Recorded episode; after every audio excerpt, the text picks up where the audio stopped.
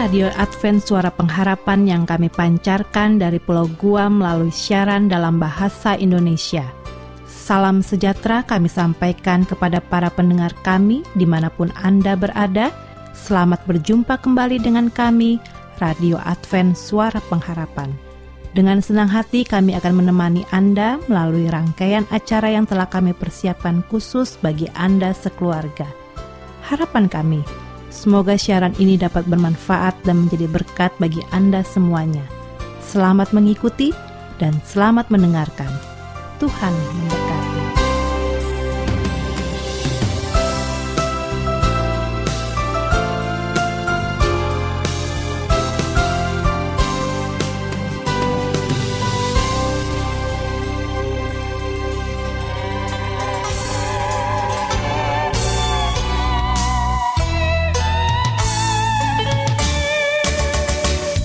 Pendengar Radio Advent Suara Pengharapan yang berbahagia, ruang remaja dan orang muda, kembali kami hadirkan untuk Anda saat ini. Acara ini akan membahas berbagai informasi seputar masalah remaja dan orang muda. Akan dikupas dalam acara ini. Dengan diasuh oleh Kak David Mamora sebagai seorang pendidik yang mengandalkan Tuhan, para remaja dan orang muda akan diajak untuk mau dibentuk menjadi manusia yang berkualitas sesuai kehendak Allah. Namun sebelumnya, kami akan hadirkan satu lagu pujian untuk Anda. Semoga lagu ini bisa menghibur Anda. Selamat mendengar.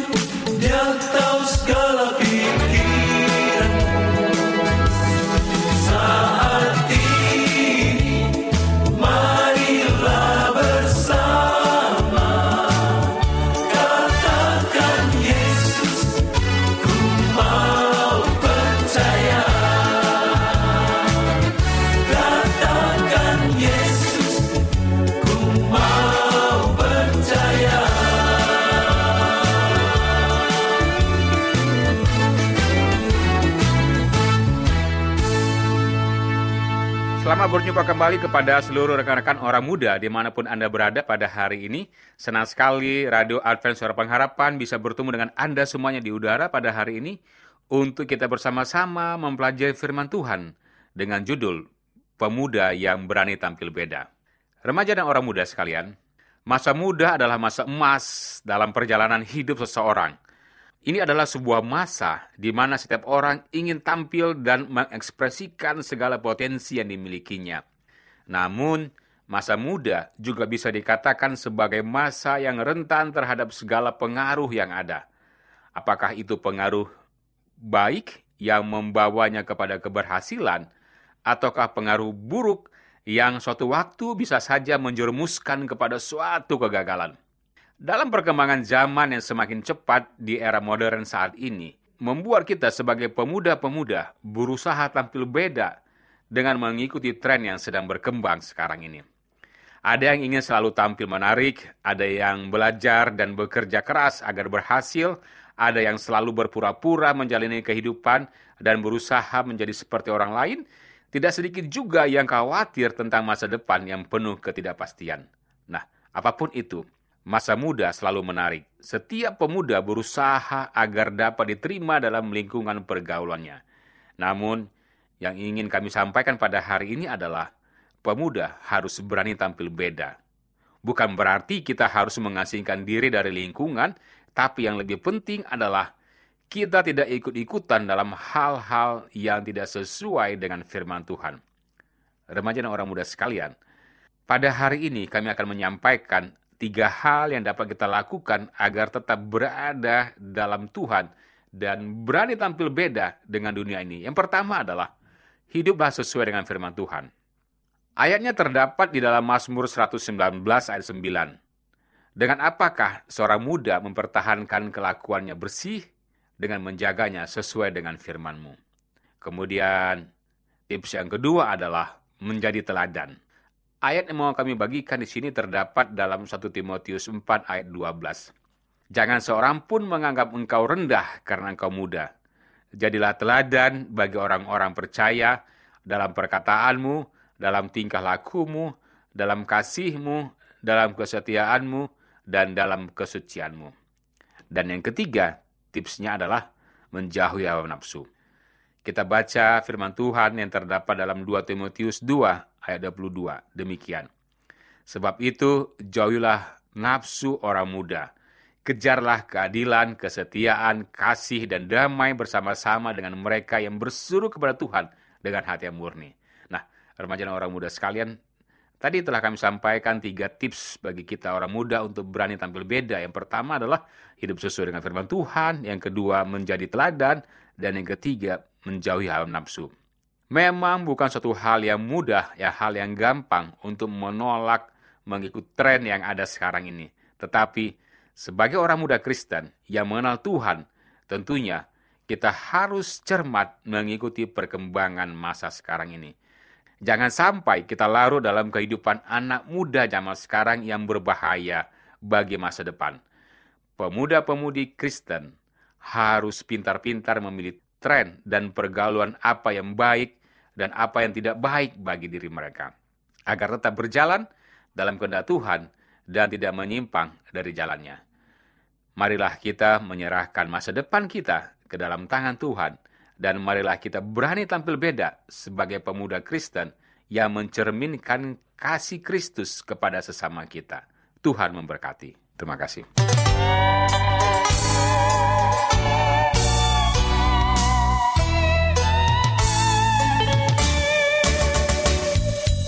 Pendengar Radio Advent Suara Pengharapan yang tetap setia bersama kami, demikian sajian ruang remaja dan orang muda yang sudah kami hadirkan untuk Anda. Kiranya bermanfaat untuk menolong generasi muda menjadi pribadi yang berkualitas sesuai kehendak Allah. Sampai jumpa dalam acara Ruang Remaja dan Orang Muda minggu depan. Tuhan memberkati kita semua.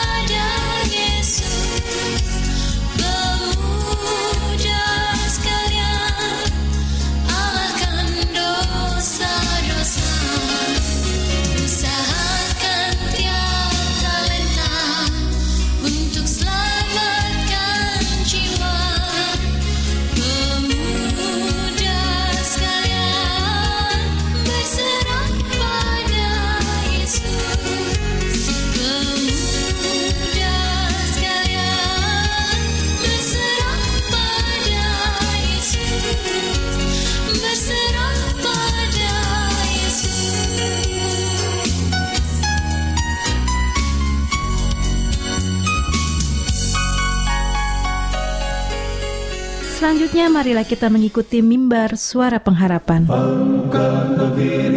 Dan Yesus mau datang segera Nyanyi musafir dan pujikanlah Yesus mau datang segera Datang segera Inilah mimbar suara pengharapan dengan topik pembahasan Adam dan Hawa. Selamat mendengarkan. Bangsa marah itu tandanya Yesus mau datang segera Pengetahuan bertambah-tambah Yesus mau datang segera Datang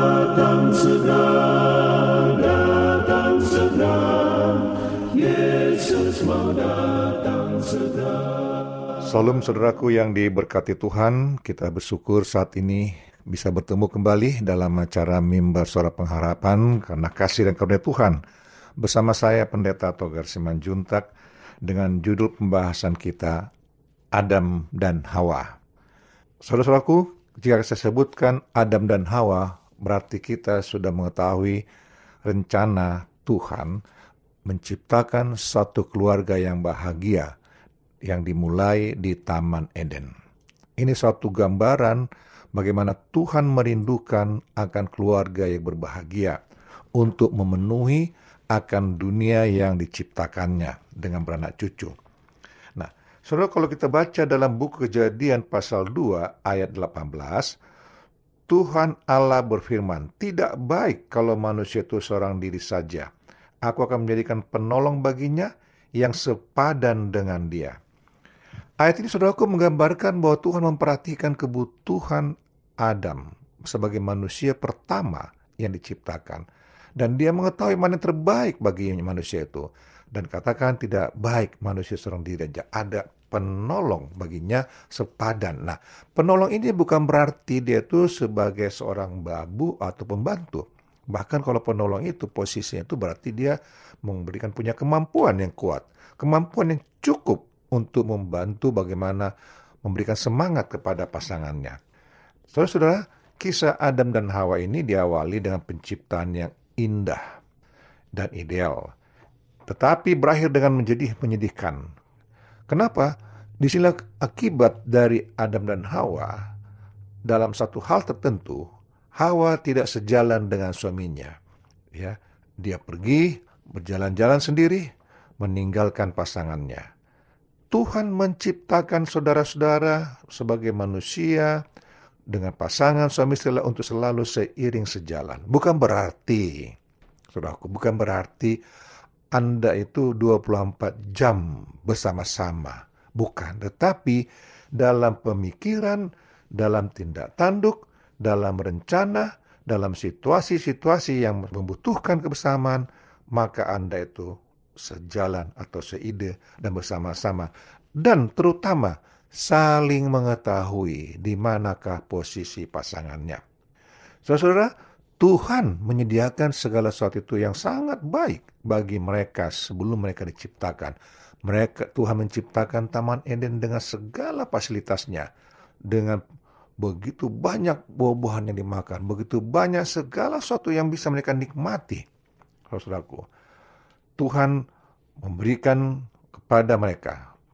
Tuhan menciptakan Adam sebagai pria yang sangat tampan, ya sempurna. Lalu kemudian memberikan Hawa yang selalu diciptakan oleh Tuhan dari rusuknya Adam, menggambarkan mereka itu satu kesatuan, satu kehidupan di dalam rumah tangga mereka. Hawa yang cantik dan sepadan tingginya juga bagi Hawa, sepadan dalam karakter, sepadan dalam kehidupannya tanpa cacat, begitu be cantiknya dan Adam begitu tampannya. Tubuh mereka itu benar-benar sangat luar biasa mulianya dan sempurnanya karena tangan Tuhan langsung membentuk mereka dan diberikan nafas kehidupan, bagian daripada nafas Tuhan kita, kehidupan Tuhan kita kepada Adam dan Hawa. Dan Tuhan menyatakan bahwa engkau boleh menikmati semua ya, semua yang ada dalam taman ini kecuali yang di tengah-tengah taman itu pohon pengetahuan baik dan jahat. Jangan engkau makan, bahkan jangan kau sentuh buahnya. Nah, ini satu perintah yang sangat dasar sekali menunjukkan ada satu kuasa, ada oknum pencipta yang harus disembah dan dituruti. Lalu saat Tuhan menciptakan dunia dan isinya, hari demi hari Tuhan melihat kembali pekerjaannya dan berkata bahwa semua itu baik. Lalu konteksnya sama juga kepada Adam. Hanya dengan cara yang berbeda Tuhan berkata, tidak baik manusia itu seorang diri saja. Ini satu pernyataan sangat benar-benar penuh kasih, penuh perhatian kepada Adam, pada manusia. Tidak baik, tidak baik manusia seorang diri saja. Artinya perlu seorang teman, perlu pendamping yang sepadan. Mengapa kata sepadan? Agar mereka itu bisa sama-sama saling menghargai, saling mencintai, dan sama-sama juga saling menguatkan, saling menyadari, dan saling membutuhkan. Ah, itu yang paling utama. Membutuhkan satu sama lain dan menghormati satu sama lain. Nah, saudaraku, Hawa diciptakan dari rusuknya Adam, menggambarkan mereka itu menjadi satu. Ya, bukan berarti fisiknya dua, berarti mereka dua pemikiran, bukan saudaraku. Tetapi mereka satu. Lalu memberikan sebagai penolong, artinya penolong itu bukan berarti Hawa itu sebagai pembantu ataupun sebagai hamba, tetapi menunjukkan adalah satu hal yang bahwa Hawa itu mampu memberikan dorongan, membangkitkan semangat, memberikan do kekuatan kepada suaminya, memberikan sesuatu yang membuat keindahan bersama. Dan itu kualitasnya bukan berarti Hawa lebih rendah, tetapi menunjukkan bahwa Hawa itu punya pemikiran-pemikiran yang brilian yang boleh katakan sama seperti Adam. Itu harus lebih jelas katakan. Dan Tuhan tidak menciptakan hal itu lebih rendah. Maka diambil dari rusuknya artinya sama-sama setara, ya, sepadan. Dan tidak lebih rendah dan juga tidak lebih tinggi ya tidak lebih rendah. Hanya diambil ke dalam supaya Hawa itu menyadari bahwa dia adalah bagian dari tubuh atau kehidupan dari suaminya. Dan suaminya menyadari bahwa itu adalah bagian dari tubuhnya dari kehidupannya sehari-hari. Nah diambil tulang rusuk itu menggambarkan sesuatu dari bagian dirinya seperti saya katakan tadi. Bukan kepala agar tidak memerintah tidak menekan pasangannya. Dan juga bukan paha atau kaki atau pinggul agar tidak diinjak-injak atau bukan tangan agar jangan mengatur ya dengan membuat satu perintah menarik segala macam. Nah, ini menjadi satu gambar bagaimana Tuhan memberikan satu perhatian sangat luar biasa pada saudaraku. Bukan cuma kepada Adam dan Hawa, tapi kepada saudara dan saya. Begitu saudara menikah, ya diciptakan Tuhan, satu rumah tangga. Maka pada saat itu juga Tuhan sudah merencanakan kebahagiaan bagi kalian dua, sepadan di dalam kehidupan kalian. Nah, ini menunjukkan bahwa saudaraku, Hawa itu diciptakan oleh Tuhan. Ya, kedua sesudah Adam laki-laki menunjukkan bahwa wanita itu adalah lebih muda daripada pria. Seseorang pernah bertanya sama saya, Pak Pendeta, apakah salah kalau wanita itu lebih tua usia daripada pria? Saya menjawab, saya tidak berani bilang salah atau benar. Itu bukan wewenang saya. Tetapi yang jelas, Adam sebagai pria dulu diciptakan. Wanita lebih muda. Kalau kita ambil konteks Alkitabianya, maka adalah wajar dan lumrah wanita itu lebih muda daripada Adam. Nah, saudaraku, kita akan lanjutkan satu laka lagi pertemuan ini mengenai Adam dan Hawa. Saat ini jika saudara ada mau didoakan atau ada hal-hal mau ditanyakan, hubungilah kami tim pelayanan mimbar suara pengharapan. Dengan penuh sukacita, kami akan melayani dan mendoakan saudara. Tuhan berkati Anda, adalah doa harapan kami. Salam saudaraku, amin.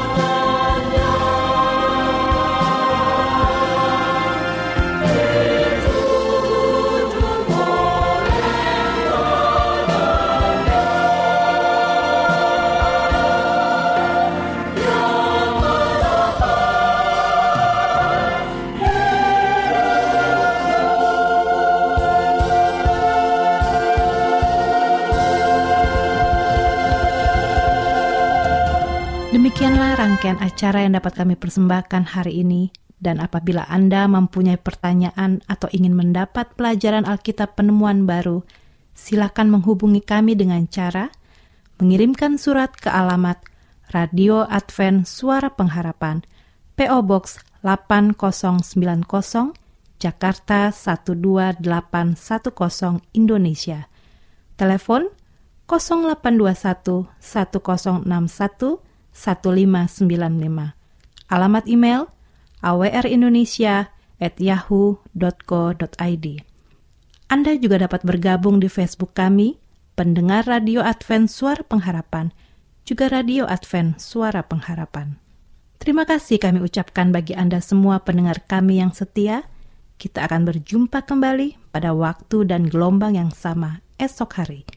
Salam kasih dan sejahtera Kiranya Tuhan memberkati kita semua. Marilah bersuka cita, jangan bersungut-sungut, karena Allah Bapa kita akan diamkan ribut. Tetaplah bersuka cita, menyanyi dengan girang, rajin melakukan kerja kita dengan hati yang senang.